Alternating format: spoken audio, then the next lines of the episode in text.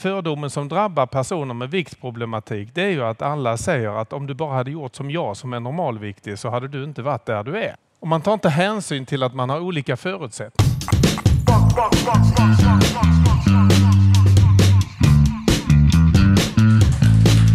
Varsågoda. Tack så mycket. Och hej och välkomna till Akademiliv. Vi är ju en podcast som brukar intervjua forskare från Sahlgrenska akademin. Och idag så blev vi inbjudna att prata på Vetenskapsfestivalen och sända live härifrån eh, det soliga för stunden Göteborg. Eh, och ja, det är jag som är Pontus. Och Och jag är Margareta eh, och vi befinner oss i ett ja, typ öltält ser det väl ut som. Sådär, lite grann. Eh, solen skiner som Pontus säger. Här har folk börjat samlas och fler kommer hoppas vi. Eh, mackor och kaffe finns nere i hörnet där borta för den som vill det. Eh, jättekul att vara här. ja, och så våran gäst då såklart, Torsten. Välkommen. Tack så mycket. Tack, tack. Och du är docent och kirurg. Är det hur du brukar presentera dig? Eller finns det... Eh, nej, jag säger nog Torsten. Det säger Torsten. Ja.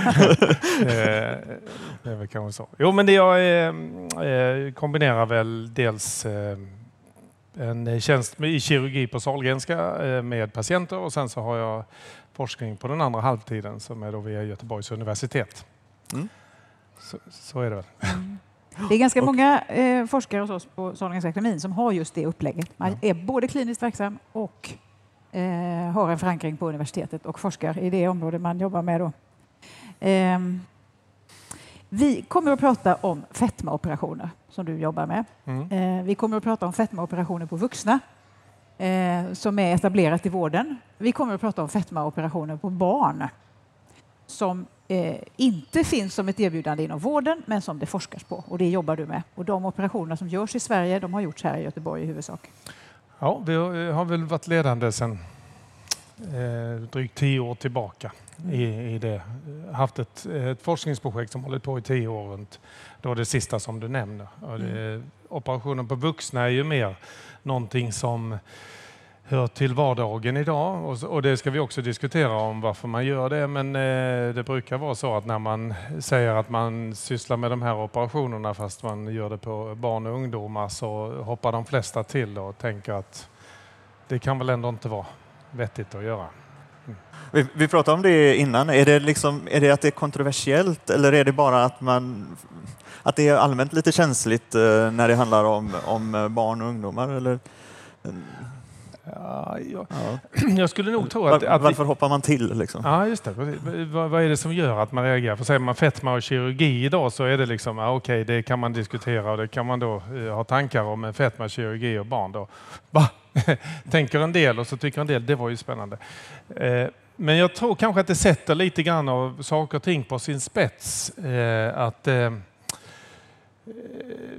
man kan ha funderingar på att man gör eh, hur, det, hur man är hos vuxen, men barn och ungdomar, då tänker man att nej, men de har ju inte knappt börjat leva än, så ska man göra en sån här sak och vad innebär det? Och det är så många frågor runt det. Eh, Så jag tror att det sätter liksom, vad är det för samhälle, vad, vad är det för mekanismer som gör att det, och allt det här, de frågorna ställs lite mer på sin spets. Mm. Det tror jag. Ja. Jätteintressant, verkligen. Va, va, va, när- om du är ute och, och, eh, och träffar folk som inte kan fältet, inte är så insatta i detta, vad, vad får du för reaktioner när du berättar vad du, vad du jobbar med? Om man tänker fetmaoperationer i stort. Ja, ja. Det, det är väldigt, väldigt ofta som jag har diskussioner. Jag ibland säger att det är flera gånger om dagen som jag har diskussioner både med personal på Sahlgrenska och med, med, med runt middagsbordet när man är på, eh, hos vänner och bekanta och allt möjligt. Att, att när man berättar om bakgrunden till det man gör så är det ändå så att, de, att eh, man möts liksom av alla, eller av väldigt, väldigt många. Liksom, Va? Är det så? Eh, det visste jag inte. Eller, men jag trodde att... Och, och så får man diskutera vad man tror och vad vi vet faktiskt. För om det är någonting som man har lärt sig så är det att liksom vissa saker i samhället är okej för folk att ha synpunkter om utan att veta så Mm. mycket. Eh, barnuppfostran är en och eh, vik, hur man håller vikten det är uppenbarligen en av de sakerna. Liksom, att, Ja. Mm. som man på något sätt lite grann får lov att tycka. Eh, alla har sin rätt att, att tycka om det. Eh, medan eh, vi förhoppningsvis här idag kan ta fram en del av de sakerna som vi vet. Eh, för att där har vi det glappet som jag tycker som gör att man blir lite passionerad i det här. Att, att, att många ser att, att man har synpunkter på varför folk har viktproblem. Och så i själva verket så har man bara fördomar. Mm. Eh, och, det, och, det, tycker jag är kanske det viktigaste jag kan göra, hjälpa till att bryta ner de fördomarna. Är, är, det, det, är det det då som, som du möter? Det, det, det, att man inte känner till kopplingen mellan, eh, mellan fetma och kirurgi eller att det finns en behandling som är kirurgi? Ja, jag, jag, tror att eh, oftast blir samtalen sådana att om man inte förstår varför man har problem, varför man kan ha problem eller svåra problem med vikten och varför en del kämpar med viktproblem. Om man inte förstår det, ja, då kan man aldrig acceptera att man gör någonting åt det. Det, det, det är lite grann av det första, för då ska man ju bara skärpa sig. Mm. Eh, men om man sen då förstår eh, att det är faktiskt en sjukdom och det är ett riktigt eh, problem som, som inte är den egnes fel. Ja, men då förstår man här behövs ju en behandling. Om man dessutom förstår att den där behandlingen den behandlar de sakerna som var, som var problemet. Det vill säga varför man, saker som är signaler, varför man gör som man gör. Ja, det var mm. lite kryptiskt kanske. Ja, men, alltså jag, men, jag, alltså jag börjar tänka på eh, sådär, eh, liksom det som ändå har blivit, om man tänker på alkoholism till exempel, ja. så finns det ju, uppfattar jag det, en högre acceptans idag ja. att man beskriver det som en sjukdom. Fetma, är det på väg åt det hållet också? Eller? Jag hoppas det. Jag hoppas det och jag hoppas att sådana här aktiviteter med att, att vi pratar om det på ett öppet sätt eh, kan bidra till det. För att eh, eh, som du säger, alkoholism eh, vet vi idag att vi har olika genetisk känslighet. Om, om samma in, att olika individer dricker samma mängd alkohol så kommer en del att inte ha några som helst problem med det, men andra kommer ha en risk att utveckla en beroendeproblematik. Det vet vi att det är så. Vad det gäller vikt och viktproblem idag så finns det tyvärr, tycker jag, en, en enorm okunskap i samhället där man tror lite grann att den som är normalviktig, ja men jag har skött mig. Men den som har viktproblem, det var den som inte skötte sig. Eller den som inte brydde sig om det. I själva verket så är det precis tvärtom oftast. Att den som är normalviktig ska bara tacka, sig själv, tacka sina föräldrar för att man fick goda gener. Medan den som har viktproblem har ju nästan alltid jobbat och tänkt på vikten eh, hur mycket som helst genom livet. Mm. Mm. Om man frågar utåt så, så, kan man ju säga hur många har tänkt på vikten någon gång? och hur har det gått i längden att göra någonting åt det? De flesta av oss har ju gått upp en del om man tänker att man skulle kanske gå ner eller någonting. Men, men om man tänker efter, vad är det vi ser oftast när man, eh, hos de som är vänner och bekanta till en och de som man gick i skolan med och allt möjligt. Ja, vad vi ser det är ju att de som hade problem med vikten redan när de var unga och eh, de hackar sig upp genom livet. De går ner ibland och har den diverse kurer upp och ner men i slutändan så hamnar man lite högre än vad man gjorde. Mm. Vad, man, vad man var från början. Mm. Och det, de, de mekanismerna tycker jag är viktigt att vi kan prata om. Vad är det som gör att det är så? Mm. Vad, finns det för, vad finns det för någonting i samhället som motverkar kunskapsbildningen tycker du? det är, det är väldigt svårt att säga faktiskt vad det är. Men, eh, men fetma och fetmaproblematiken är någonting som är den sista accepterade eh, vad ska man säga, stigmatiseringen eller diskrimineringen i samhället, tycker jag ibland. Alltså det är inte tillåtet att diskriminera någon eller säga till någon någonting för eh, eh kön, sexuell läggning, religion. Alltså det, det accepterar vi inte att man gör. Men man kan skrika fetto till någon. Och det är ingen som liksom säger emot. På något sätt så är det så i samhället att det här är någonting som, jag vet inte vad det är, men det finns någonting som gör att, att, eh, att man tillåter lite, vad ska man säga, nästan aggressiva uttryck. Det säger, säger patienter som jag har att, att de kan utsättas för häpnadsväckande kommentarer som ingen skulle acceptera. Men det är bara liksom, ja men det är väl okej för att ja, men hon har ju inte, eller han har ju inte skött sig ändå. Det Mm. finns någonting som gör att vi stigmatiserar den som har viktproblem och, och säger att det är, det är någon slags lägre, alltså det, det är förknippat med lägre värde på något sätt eh, i många människors ögon. Jag, jag, jag, jag uppfattar så att väldigt Mm. många patienter känner det så.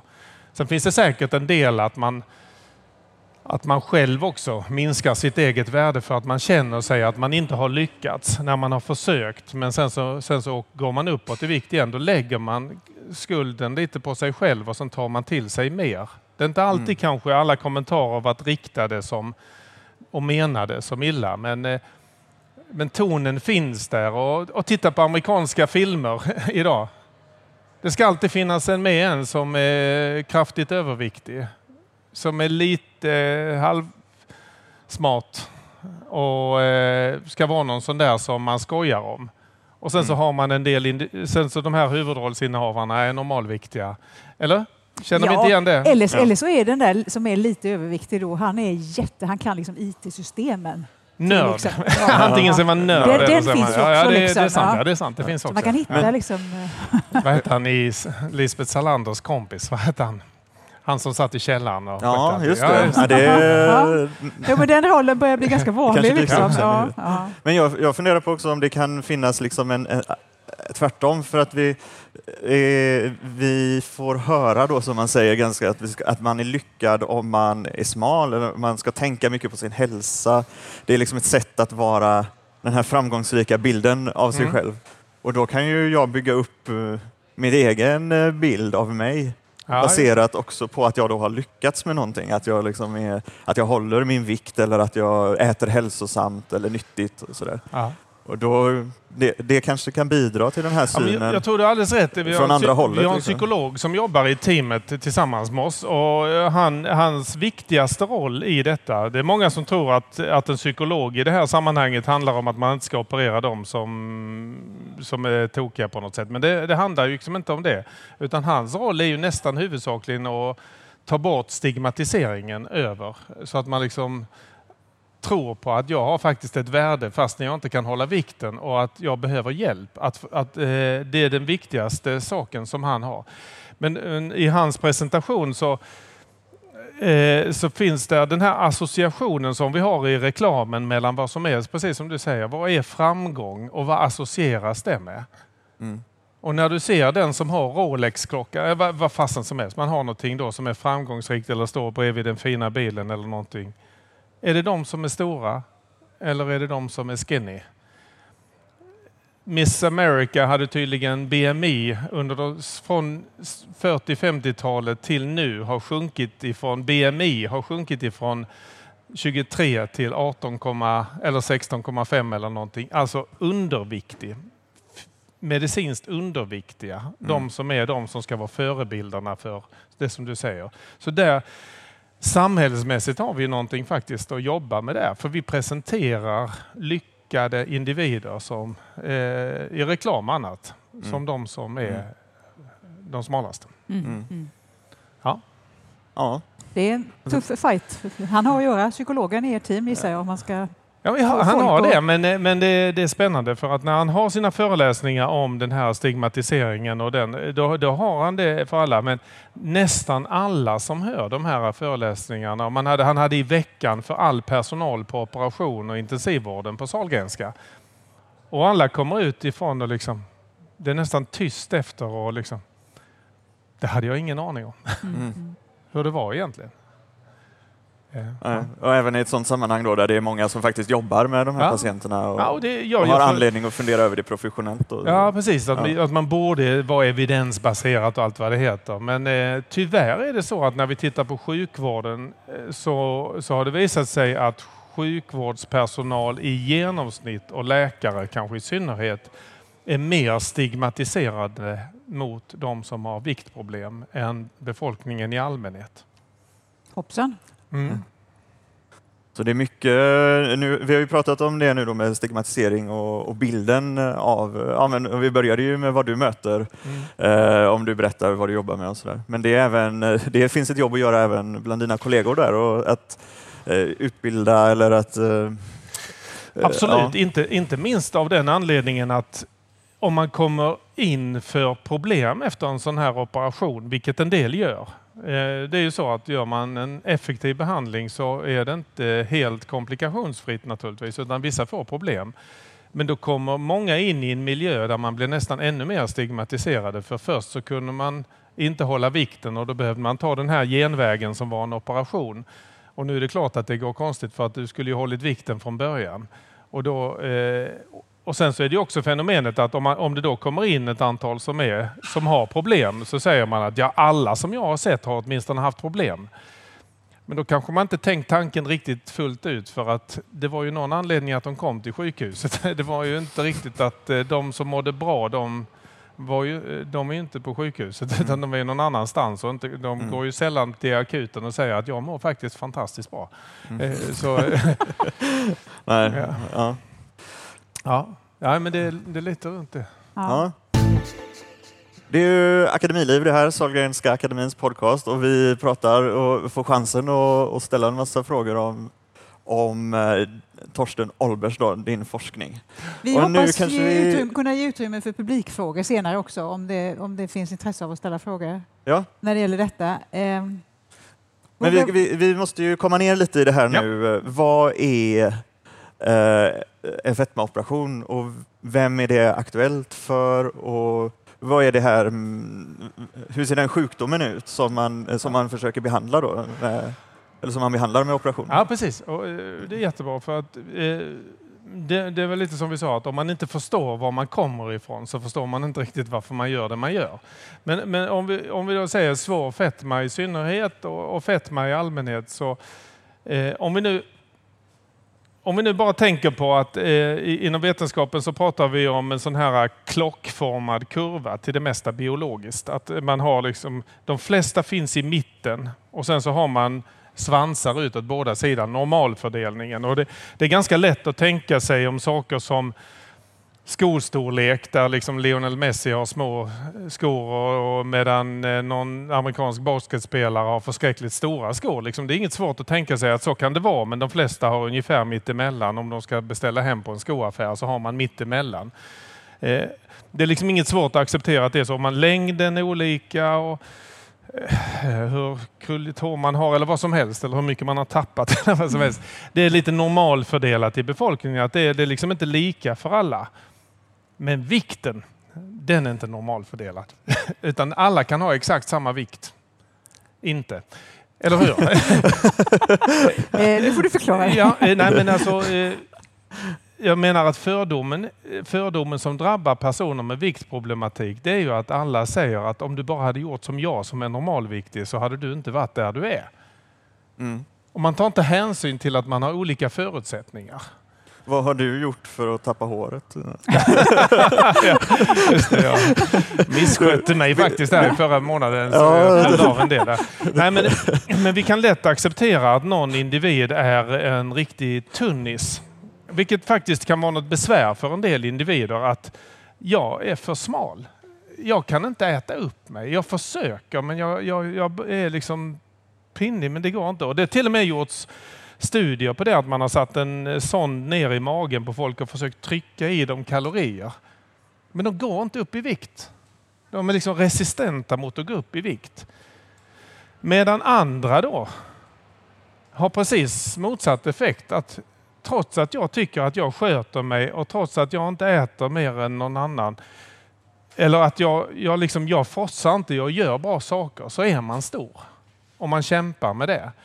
Och där kommer den här benägenheten, alltså vad är det för gener vi har? Och då kan vi titta på, då är det enklast att titta på hur är det med föräldrar och syskon och hur är det, vad är det för familj jag kommer ifrån? Och det är ganska lätt att se, tyvärr så blir vi ju, eller, eller som tur eller vad det är, så blir man ju lik sina föräldrar ungefär. Man har väldigt mycket av sina gener som man delar med sin familj.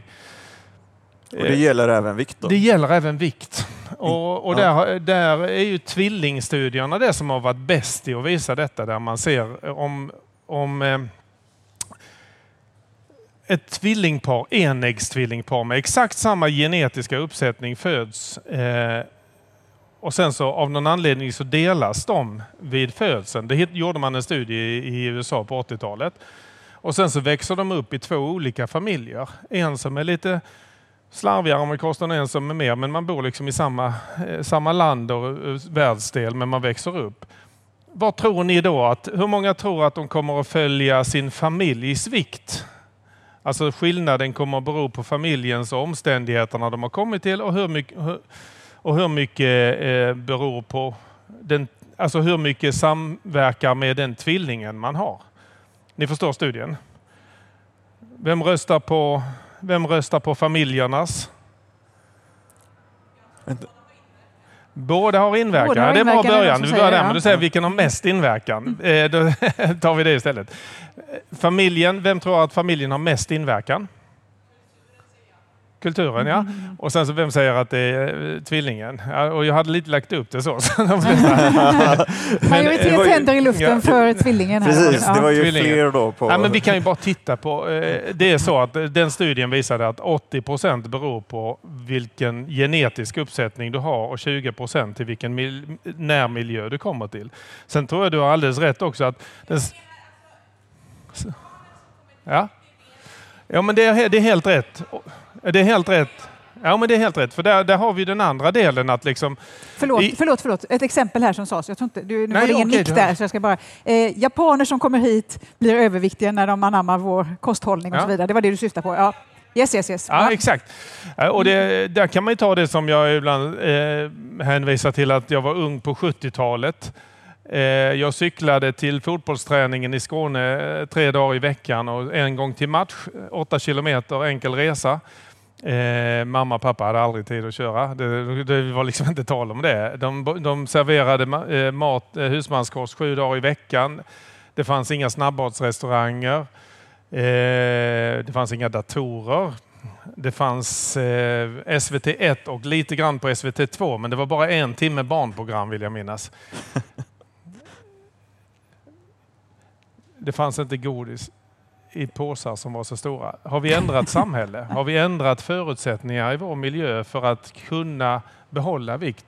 Tittar vi liksom på badstranden så kan vi konstatera att nej, det är inte några stycken som har blivit stora utan alla har blivit lite större sedan 70-talet eller 50-talet i synnerhet. Så hela kurvan har gått upp, den här normalfördelningen, men de som är känsligast för de här förändringarna i omgivningen, det är de som blir störst. Därför att hela kurvan har ändrat sig. Då kommer vi få mycket fler som är väldigt stora och de får oproportionellt stora problem därför att de kan inte hantera den. För vi kommer ju från en miljö där vi har alltid haft ont om kalorier. Om vi tittar nu tusentals år tillbaka. All, fram till 70-talet eller 60-70-talet så har det funnits underskott på kalorier i världen. Så det har alltid varit en överlevnadsfördel för oss att kunna samla på oss vikt när det är bra tider. Och så ska vi inte gå ner i vikt när det är dåliga tider. För då lever vi. De som dör undan först, det är tunnisarna då. eh, och, det, och det här genetiska arvet. Vi, vi, vi står med våra stenåldersgener i en helt annan miljö. Mm. Och vi är liksom inte designade för en miljö där det finns kalorier. Bara man sträcker ut handen på stan så får man en, någonting som man ska äta som är lättsmält och som inte kräver någon aktivitet. Och vi behöver inte röra oss för det finns transporter till allt. Vi kan sitta hemma vid datorn och bestämma allt. Nej, vi är inte gjorda för den miljön. Vi är inte det. Det är liksom en grundläggande fel i samhället. Men det här drabbar ju inte lika. Alla blir inte stora. Utan där kommer vi till normalfördelningen. Att de som inte har en benägenhet för viktproblematik, de kan klara det. Och särskilt de som har resursstyrka. Alltså, tid, tid, pengar. Man, eh, varför är det vanligare för barn i nordost att utveckla fetma än de som är i centrum eller i väster? Jo, därför att de har mer resursstarka föräldrar. Så att man kan, man kan köpa den nyttiga maten. Man finns där, man behöver inte dubbelarbeta utan man finns där för att hjälpa sina barn göra kloka val. Man kan köpa dyrare grönsaker än den dåliga maten som faktiskt är den billigaste. den, den här resursstyrkan. Därför så blir det också en social ojämlikhet i det hela. Mm. Eh, därför att att skydda sig från att gå upp i vikt kräver väldigt mycket i dagens samhälle. Det naturliga är, om man släpps fri, liksom, det är att gå upp i vikt. Mm. Okej, så ponera då att du är eh, kraftigt överviktig, eller fe- fetma ska man ju Ja. ha då för att bli aktuell för det här. Mm. Har, det, har det någon betydelse sen om du, när du kommer till vården och står inför kanske står inför en operation då, vad, vad, vad orsakerna är? Om det är socioekonomiska, genetiska Nej. eller vad det är för någonting? Eller hur, hur hanterar ni Nej, patienterna? men det, är, det är ju där som, eh, som den här stigmatiseringen ibland kan komma tillbaka ifrån sjukvården att Nej men du har minsann misskött dig på något sätt så du ska inte eh, ha behandling eller, eh, eller vi förstår. Det, det är faktiskt så att eh, det finns hundra vägar till att utveckla svår fetma. Eh, om man tittar på det, av de som blir det i vuxen ålder som blir opererade som vuxna så har man sett att ungefär 60 procent av dem hade haft svår fetma ända sedan barndomen. De träffade sin första dietist i första klass. Det brukar vara ett sån markör på att man, att man hade viktproblem redan då. 40 procent utvecklade senare i livet med antingen man hade någon livskris eller man eh, var med om någon olycka, man fick kortisonbehandling för man fick en sjukdom eller någonting så att man åkte upp i vikt. Och sen börjar den här som ni känner igen, en sån här eh, viktkurva som är ner och upp men hela tiden så går det uppåt om man tittar på trenden. Mm. Men tittar du bara på hur det går just nu så kanske du går på en diet.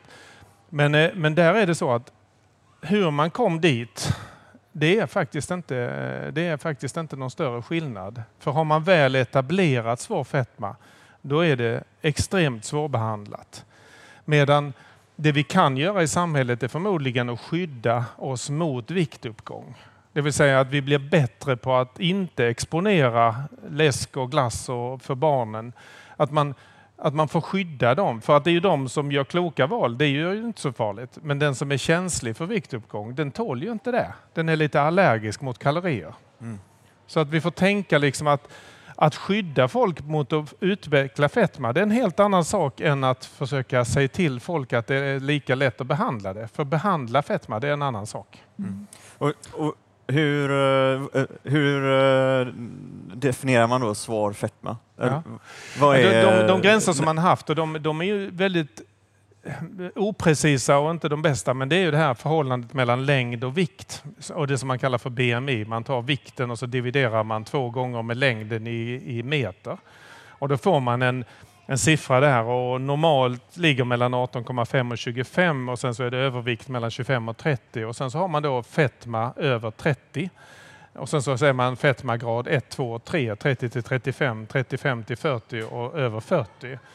Och då är det någonstans 35-40 där liksom BMI i sig själv signalerar att här är, här är det sjukligt, här är det förenat med, på gruppnivå, så är det förenat med att man har ett kortare förväntat liv, att man har stark ökad risk för många sjukligheter. Mm. Det är det viktigaste. Och kanske funktionsinskränkningar, att man inte orkar leva ett vanligt liv. Då. Ja. Vad, vad, är det mer som krävs inom citationstecken för att kunna bli föremål för operation? Mer än ett BMI på minst Ja. 35-40 då? Alltså själv, självklart så är det ju så att eh, det är ingen som liksom kommer eh, första gången man gick över 30, eh, så, som liksom bara eh, ja, men jag har bara suttit här och så nu, nu vill jag opereras. utan, utan det är ju så att man, man har den här, man vet att man har gjort de här livsstilsförändringarna, att man har gått ner men man går tillbaka och att man har ett man har liksom fyllt den kvoten och jag har inte träffat någon som inte har gjort någonting utan, utan det, det har man ju gjort.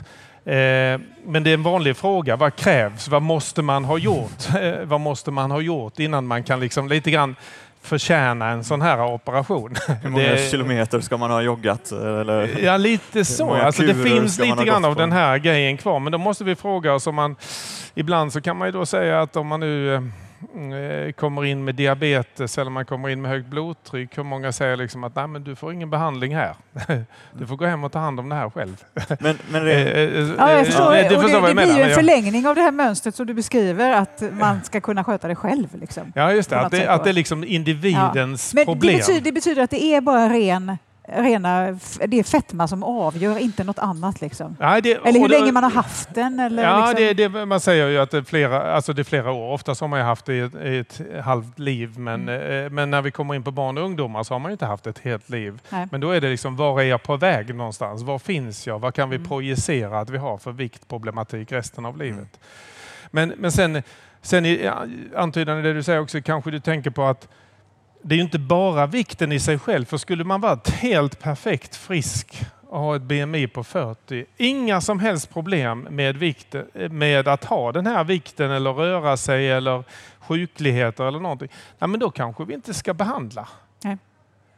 Medan om man har ett till och med lägre BMI än 35 och man har samlade sjukligheter och diabetes och belastningsproblem, nej men då är det skäl att operera därför att det är egentligen sjukligheten och verkligheten bakom kilorna som är det viktigaste. Hur går det till då? Själva operationen, vad gör man? Eh, eh, var ska jag börja? eh, jo, eh, så det man gör, det man gör det är ju en, en operation på magen. Det vet ni, magoperation och mag-tarmoperation. Jag tror att de flesta kanske har en ganska diffus eh, känsla för vad det är för någonting. Utan man gör den här operationen och sen så går det annorlunda. Det vi gör det är att den vanligaste operationen vi har gjort det är att man delar, man gör det som man kallar för gastrisk, gastrisk bypass. Mm. Mm. Och det betyder gastrisk är magsäck och bypass är att, man, ma- att eh, maten förbikopplas. Alltså. Mm. Och då är det att man delar magsäcken så att man får bara en liten snutt av magsäcken. Den är ju stor som eh, en handflata eller två eh, i normala fall. Men man tar bara en liten hörna av den och sen kopplar man upp tarmen så att maten går mer eller mindre direkt ifrån matstrupen ner i tarmen. Den avstängda magsäcksdelen den finns kvar och den har blodförsörjning och sånt så den ligger där som en vilande reservdel. Och magsafterna kommer in lite längre ner. Men det gör att vi exponerar tarmen för mat. Att mat inte har den här bufferten. För det är ju lite grann av vår stenålderskonstruktion att när vi har fällt ett byte så ska vi kunna äta mycket för att, eh, för att eh, man ska ha en kapacitet att äta när det finns. Ja. Men vad vi gör det är att man får en... eh, Det som i slutändan blir effekten det är att vi ändrar de signalerna som magen ger till huvudet och till Mm. kroppen i övrigt. Så att en som är opererad säger ofta att det känns faktiskt som att jag undrar var, var ni gjorde operationen. För att jag har ärren på magen. Men eh, jag känner alla skillnader i mitt, mitt huvud.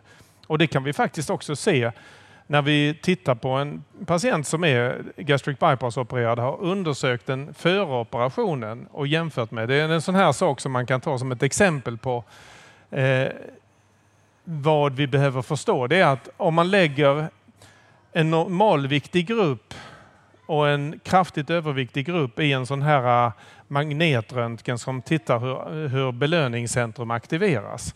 Och så visar man olika typer av bilder eh, och så ser man vad som händer i huvudet.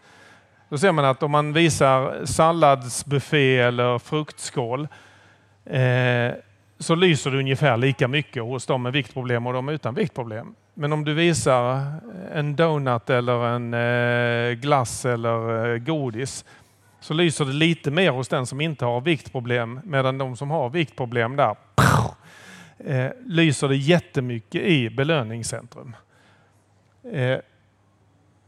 Och det, det förklarar ju en del varför man gör felaktiga val. Eh, varför man inte har lika lätt att göra kloka val. Men när vi har gjort en, en bypass så har vi då sett att om man undersöker samma individer fem månader efter operationen så, så lyser de, så ser det ut som de är normalviktiga när de tittar på de här livsmedlen som man inte bör äta.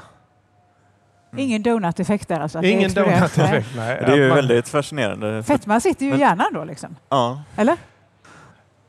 Fettman sitter i samspelet i kroppen mellan en mag-tarmkanal som sedan stenåldern och sen våra föregångare till människan så har vi naturligtvis haft en mag-tarmkanal som på något sätt lite egensinnigt har tagit in kalorier och, och, och premierat överlevnad. Sen har vi nu fått en hjärna som kan styra vad vi gör för någonting ibland. Jag brukar ibland säga att, man, att om, man, om man säger den här, det finns en del funktioner som vi inte styr så bra över och en av de sakerna är hur mycket vi äter. Utan det styrs väldigt mycket av vilka signaler vi har. Om jag hade, om jag hade sagt till någon här att eh, om någon kommer fram här och håller andan i tre minuter. Jag hoppas inte några djuphavsdykare här då, men annars. Om någon kommer fram här och håller andan i tre minuter så kommer de få tre miljoner kronor. Det är ingen som kommer fram. Ta chansen. ja, men då kan man ju fråga sig att... Eh, det är väl inte omöjligt att hålla andan i tre minuter? Försök. Nej. Nej, men jag, det, blir så tråkig radio. Ja, ja, vi gillar Pontus, så vi ska inte Nej, vi ska göra det. Nej, vi gör inte det. Men jag hade nog fått dem att överleva ändå. Det hade nog gått. Men, men vad som händer är ju att vi vet precis hur vi ska göra för att hålla andan. Och det går väldigt bra att hålla andan i 30 sekunder och 45 sekunder. Liksom då går det ganska hyfsat. Men sen börjar det bli lite kinkigt. Och sen så är det, sen så efter en minut eller 1.15 så drar man det där och sen blir man av med de tre miljonerna kronorna fastän man var ganska motiverad till att hålla den där andan i tre minuter. Och då kan man är det en bantningskur som du beskriver nej, nej, egentligen? eller? Nej, men det, det, det, det är frågan om att det här med vad vi tror om bantning, att liksom det bara att sköta sig. Och, och då, om, om man då ska se det lite grann i ett större perspektiv så är det lite grann att att banta sig ner, det är lite grann som, som att försöka, om man har benägenheten för svår övervikt och försöka sig banta sig ner, det är lite grann som att försöka hålla andan. För det går väldigt bra ett tag, men i längden så går man tillbaka till där man kommer ifrån. För att det är inte de mekanismerna som man själv är herre över som styr vad man gör i längden. Mm. Det var poängen. Mm. Om man då har genomgått en sån här operation och med de effekter som du beskriver, och så där, hur går det för folk efteråt? Håller de vikten eller vad händer? De allra flesta håller vikten. Om man tittar på långsiktigt, då, alltså 10 och 20 år, så är den genomsnittliga viktreduktionen 25 procent. Så man har alltså en genomsnittlig viktreduktion på en fjärdedel av den kroppsvikten. Man går ner i början ungefär en tredjedel av den och sen så går man tillbaks en del. Men är det samma för alla individer? Eller Nej. För du säger håller vikten, men eh, man hade ju inte den vikten innan. Eller, Nej, man, precis. Nej, men exakt. Och vad, är, vad är min vikt som jag borde komma till? Vet man det? Ja, det är en bra fråga. därför, att, därför att det är ju om du kommer från en väldigt hög vikt där du är sjuk och där du är förenad med både dålig livskvalitet och funktionsinskränkning och dålig hälsa. Ja, då behöver du gå ner. Men det är definitivt inte så att om du har vägt 160 kilo att det är normalt att väga 70 kilo efter. För det är ju helt jättekonstigt för den individen. Det är kanske normalt för den att väga 110 mm. och vara hälsosam. Det är den balanspunkten som fungerar bäst. Eh, och om man då tittar på varför går en del ner väldigt bra och håller vikten bra och varför är det en del som går ner och sen går upp igen? Ja, det är ju den gamla vanliga normalfördelningen igen. En del har väldigt bra hjälp av den här operationen medan andra har lite sämre effekt av operationen och har inte den nyttan det finns säkert en del av detta som är att om man inte byter livsstil, om man, om man fortfarande liksom befinner sig i den miljön där det finns godis i varenda skåp och man inte rör sig någonting. Självklart, det är sämre effekt av det. Men vi är lika snabbt framme och lägger skulden på den som har gått upp i vikt efter en sån här operation och sagt att Nej, men du sköter dig inte. Mm. och då är vi lite tillbaka mm. till samma sak igen, är vi inte det? Jo, så som du beskriver ja. det, absolut. absolut. Men, men innan, eh, vi ska ju prata om, eh, om barn också, den ja. eh, patientgruppen då. Men eh, innan det så vill jag gå tillbaka lite till det här med själva operationen. För ja. gastric bypass är den vanligaste sortens ja. operation. Och så kopplar man förbi största delen av magsäcken. Ja. Och det första man tänker då är ju inte att saker ska ändras i hjärnan eller det här signalsystemet. Utan det är ju att ja, men då finns det inte plats för mat, så därför äter jag mindre. Är det så också? Eller är det, I början är det en, effekten, en del liksom? av det, men i längden så, så ser, när vi tittar på vetenskapligt på i längden hur den här operationen fungerar så är det mer till 95 procent handlar det om att signaler förändras. Komplexa signaler, kanske 100 signaler som styr hunger och mättnad som vi ändrar. Så vi, så vi ändrar liksom på, sätt, på så sätt termostaten som styr mm. vikten. Eh, vi ändrar det komplexa samspelet mellan de signalerna som ska styra vikten. Och det är sanningen också att vi vet inte med säkerhet allt runt detta. Vi vet en hel del av signalerna och vi har kunnat visa det vetenskapligt men exakt vad det är som gör att det är precis så här det funkar och det särskilt för olika individer, det, det vet vi faktiskt inte. Nej.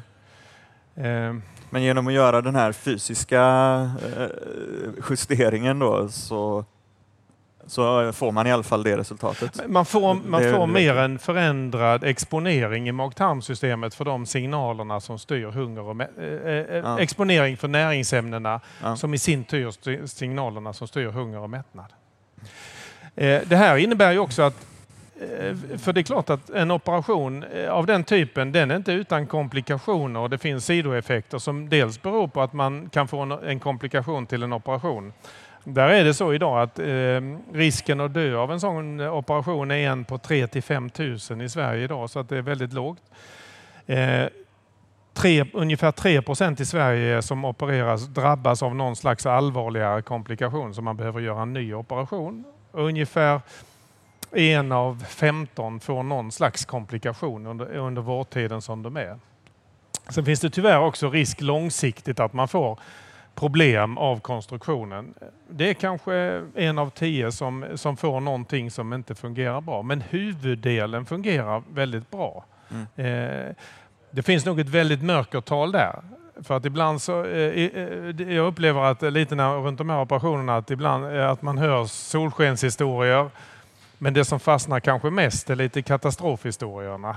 För att den, den, eh, den tar man till sig lite mer. Och de finns och de måste vi bli bättre på att ta hand om där det är problematiskt.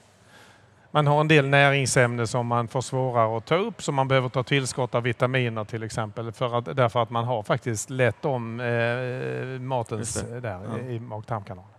Men de är väldigt, väldigt effektiva. Och, och det till, Många tror ju att man, liksom, ja, men man måste förstå att man måste ändra eh, sin livsföring om man ska lyckas med en sån här operation. Och, alltså, vi, det finns ju ingen som säger emot det. Men å andra sidan om vi gör de här operationerna på råttor så går de också ner 30 procent i vikt. Och de hade ju inte gjort så stora medvetna livsstilsförändringar för att gå ner 30 procent i vikt utan man förändrar faktiskt de, de signalerna som styr beteendet. Mm. Och var det just då för att, det, för att man hade konstaterat att det var en så effektiv behandlingsmetod för vuxna?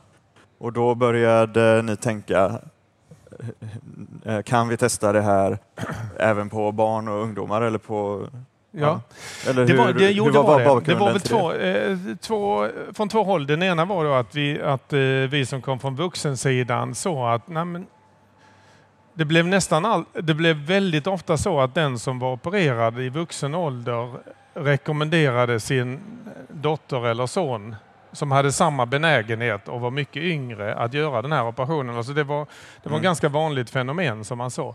Samtidigt så såg man att barnfetmaläkarna såg att kommer man in tidigt och behandlar barnfetma när man är 5 till 10 år gammal då kan man göra ganska mycket för att skydda barnen mot att gå upp i vikt. Men har man kommit förbi puberteten och, ton, och kommit in i tonåren, då, då, eh, då visas data att behandlingarna som man gör, de är nästan verkningslösa om man tittar på att man ska, att man ska få en behandlingseffekt. Eh, det är klart om man bara tänker efter när man är tonåring, vem vill gå på en diet hela tonåren? Alltså man vill vara som alla andra eh, och det är jättesvårt att göra, göra de eh, grejerna. Och, och som vi sa, en del har kommit här nerifrån och varit den stora och sen så går man upp och så fortsätter man vara den stora och studier visar också att om man är, har svår fetma om man är ung, 20-30 år gammal, ja, men då har man 20 procent förväntad förkortad livslängd. Så därför så samlades väl detta till att nej vi, den här behandlingen som visserligen är ett ganska stort ingrepp eh, och kan vara kontroversiellt. Om vi nu har Pelle som väger 160 kilo och inte prevention och allt möjligt har hjälpt på utan han finns. Ska vi då bara säga att nej men tyvärr, du har fått det här.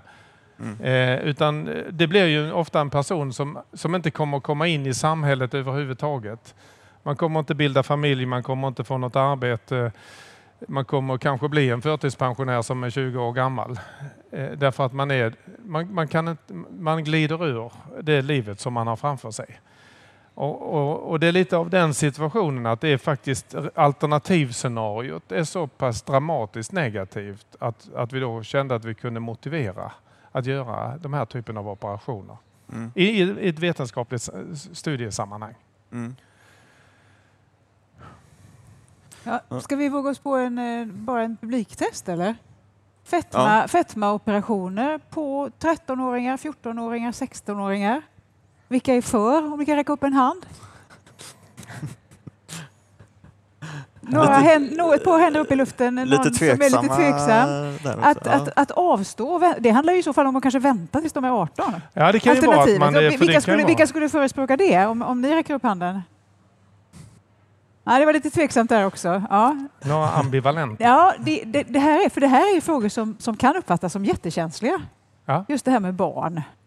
Jo, men det är det. För att man har ju inte någon slags... Eh, jag uppfattar det också när, när, man, eh, när man är uppe i 16, 17, 18 års åldern eh, som, som faktiskt medelåldern var på de första vi opererade då är man lite grann en ung vuxen på många sätt om man är barn av ung vuxen. Alltså det är samma lite, är man 16 eller 18, det kan vara liksom beroende på hur mogen man är. Det är inte så konstigt. Men när vi pratar om de som just har gått igenom puberteten och är 13-14 år gamla och kommer med sina föräldrar. Det är ett barn fortfarande mm. mm. som inte har gjort eh, och där får man, det, det på något sätt, jag får ge väldigt stort kredit till eh, barnläkarna som har varit med i detta. För självklart är det så att inte det är drivet bara av kirurgin utan det är ju en samverkan med barnläkare. Att man vågar se att nej men det kan vara... Alltså det vi har testat nu i den senaste studien som vi gör det är att eh, vi frågar oss, liksom, ska man vänta tills man är närmare 18 eller ska man göra det tidigare? Eh, och då, är det, då går man antingen så Eh, då är man med i en studie där det är en dator som väljer för den enskilde vilken operation man har. Men då har vi två vägar. Antingen så, så, får man en, så gör man operationen ganska direkt när man är 13-14 år gammal. Eller så går man i ett väldigt intensivt program då som, som är månadsbesök. Alltså man ytterligare, man gör någonting som egentligen inte finns och så gör man pulverkost och grejer för i den andra armen. Och sen så får de opereras eventuellt senare. För det är den frågan som är nu, ska man göra det där innan man liksom... För att det är ju de här definierande åldrarna i livet, visst är det det? Det är mellan 13, 14, 15, 16. Om vi tänker efter tillbaka, är det inte då man definierar vem man är? I förhållande till, eh, till sina kompisar. Eh, mm man är, jag den som var en... Alltså jag uppfattar också som att de här 13-14-åringarna som kommer, även om de är väldigt stora, så är de med i gänget. Liksom. De har inte åkt ut ur gänget. De, kanske lite, de är mobbade de också, många gånger, men de är liksom inte en outsider. Men har man blivit 16 och 17 och man är väldigt stor, ja, men då har man ofta slutat skolan och man har inte överhuvudtaget övervägt att ha en relation med någon partner. Och man, det är så många delar av livet som då på något sätt har passerat förbi. Mm. Så att det, där, det är kanske där vi frågar oss idag. Hur, och, och som blir också frågan som vi alltid har när man har barn och ungdomar. Liksom, hur gör vi för att göra nytta men undvika att göra skada?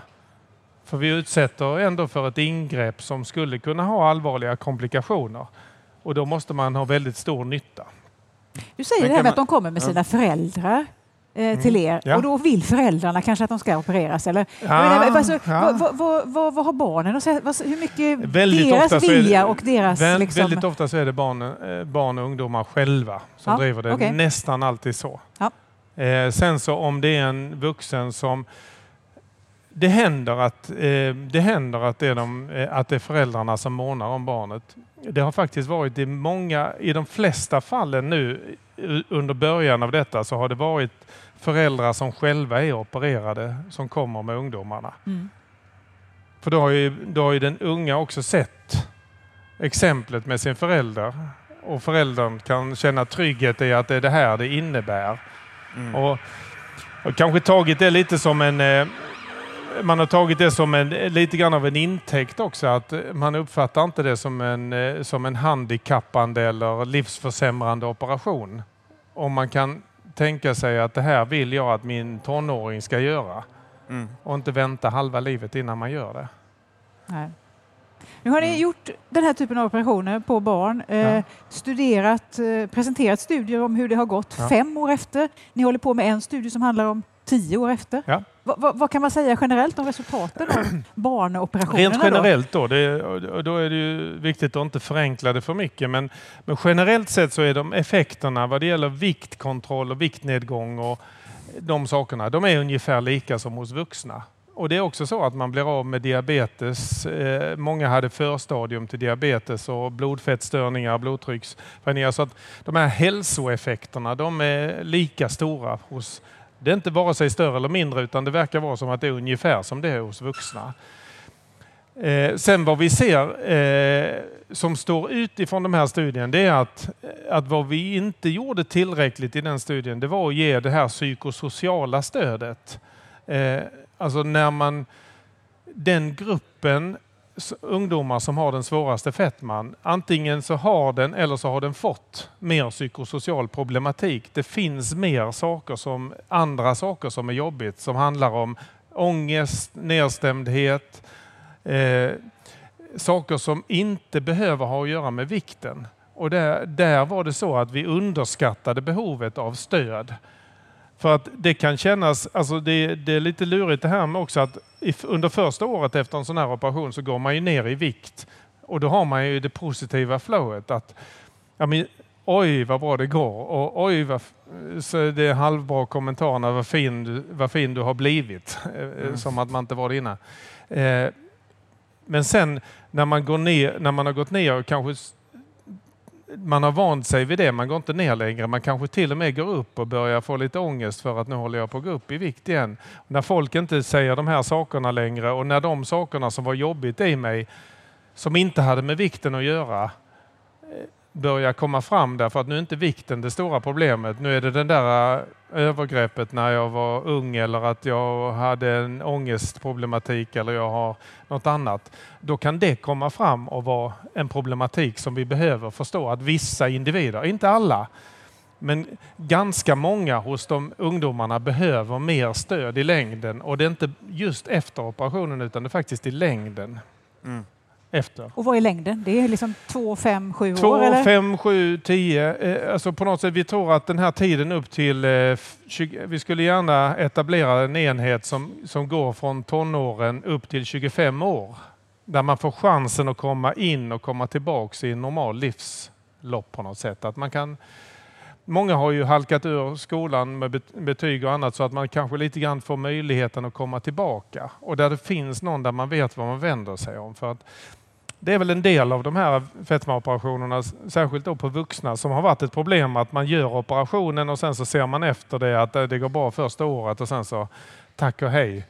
Och då kan, om saker dyker upp som är problem antingen med operationen eller med andra saker så, så står man sig lite, eh, så kan man känna sig ensam och inte vet var man ska vända sig. Mm.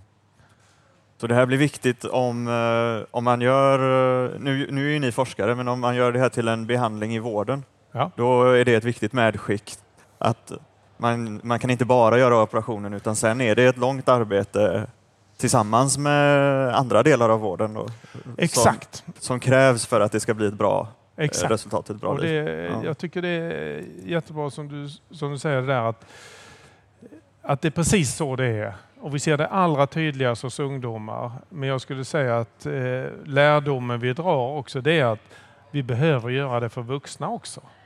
För det finns en grupp även hos vuxna som har andra saker i livet som kommer fram när man gått ner i vikt och när livet blir det vanliga igen.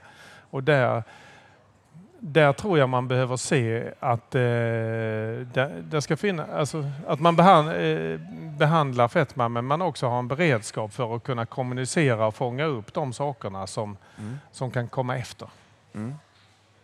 Det är bra. Då går, lär ni er något nytt även om vuxna från den här forskningen? Då. Ja, jag tycker, Ja. Det har varit väldigt påtagligt att vi nu i den nya studien så har, vi, så har det varit en mycket större trygghet. Man kan bara ta ett exempel som att vi sa till de första ungdomarna som gjordes att Nej, men är man ung så kommer huden att dra ihop sig. Det kommer liksom, ja, men det är ung och elastisk, eh, det kommer att dra ihop sig. Det blir inget problem med det.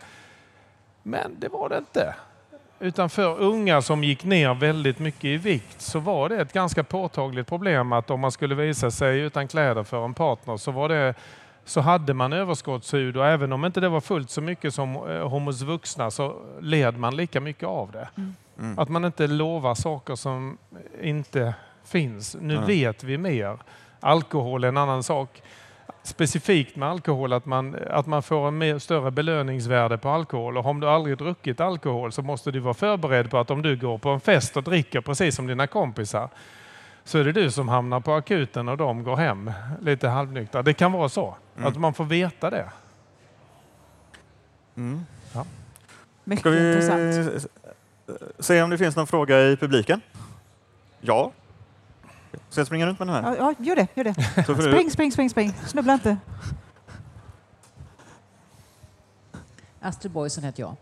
Eh, Jag har två frågor. Den första är väldigt kort.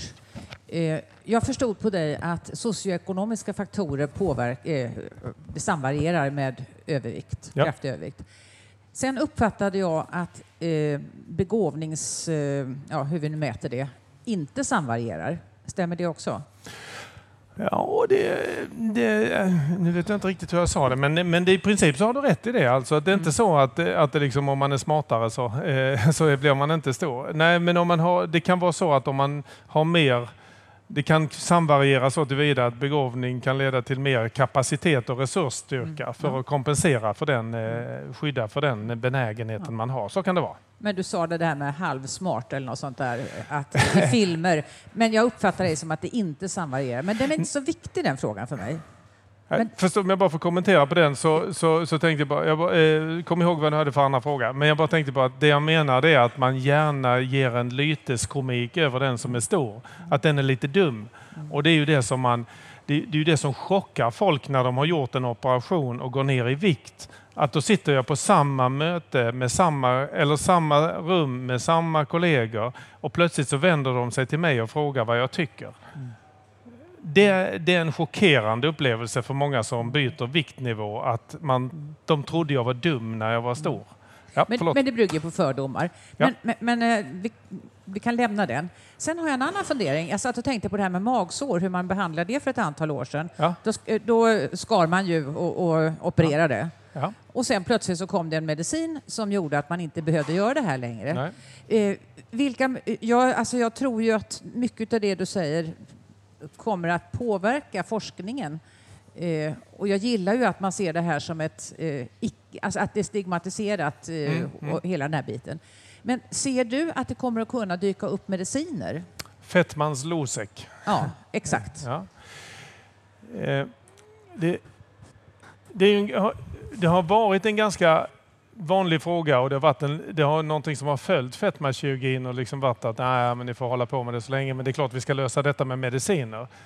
Sanningen är ju just nu att eh, det finns bara ett läkemedelsföretag i världen som på allvar tror att man ska kunna utveckla ett, eller att, att man driver läkemedel mot fetma.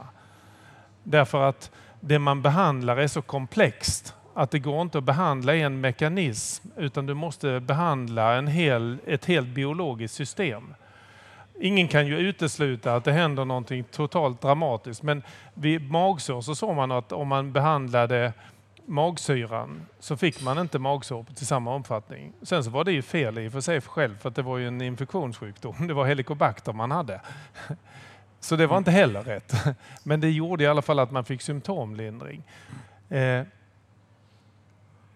Jag tror snarare, om jag ska vara lite provokativ runt det här med kirurgi och eh, alltså förändringar i mag-tarmkanalen så kan man ju kanske istället säga att de som har en viktproblematik eller har diabetes eller har andra saker, de har en eh, störning i frisättningen av de signalsubstanser som de redan har. De finns där, men vi hjälper till att frisätta dem med att leda maten på ett annat sätt ner. Så ska man vara lite provokativ så kan man ju säga att vi har kommit in i en ny era där vi kan använda kroppens egna substanser på ett bättre sätt. Vi behöver inte ta medicinen utifrån utan vi kan faktiskt ändra kroppens egna signalvägar. Mm. Eh, Och så kan man komplettera med mediciner. Men eh, det finns inget som talar för vid horisonten att här finns Fettmans Losec som är på inflytande. Det är det inte. Mm. Och det är väl för att det är en sån basal överlevnadsmekanism med viktkontroll. Viktkontroll är den mest, en av de mest basala överlevnadsmekanismerna sedan historien. För att vi dog om vi inte höll vikten. Medan att gå upp i vikt, det är bara en överlevnadsfördel. Så att det här säger ju inte bara jag, för jag har inte full insikt, stackars kirurg som jag är. men, men att eh, det är ju faktiskt vad de ledande eh, forskarna säger också.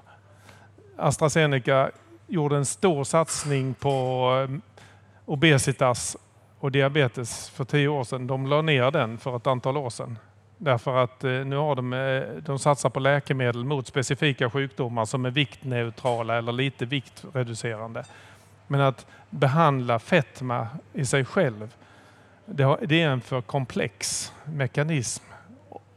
Därför att om du blockerar en väg så kommer kroppen att hitta nästa väg. Mm. Mm. Ja. Tack. Nu eh, behöver vi avsluta det här. Ja, absolut. Eh, tack så mycket till er som var här och lyssnade i Göteborg. Och eh, till våra framtida lyssnare då, som lyssnar på det här som en podcast. Vi kommer att lägga ut den precis som vi gör med våra andra avsnitt på iTunes och Soundcloud och där man kan ladda ner podcaster. Eh, och man får gärna höra av sig till oss om man vill tipsa om någonting eller har andra frågor till Torsten kanske eller sådär. Då kan man mejla på akademiliv.gu.se. Och så hittar man ju såklart Sahlgrenska akademin på Facebook och Twitter och så också. Och tack så mycket till dig Torsten och tack till dig Pontus. Ja, tack, tack själv Kanon, Kanonintressant. Tack.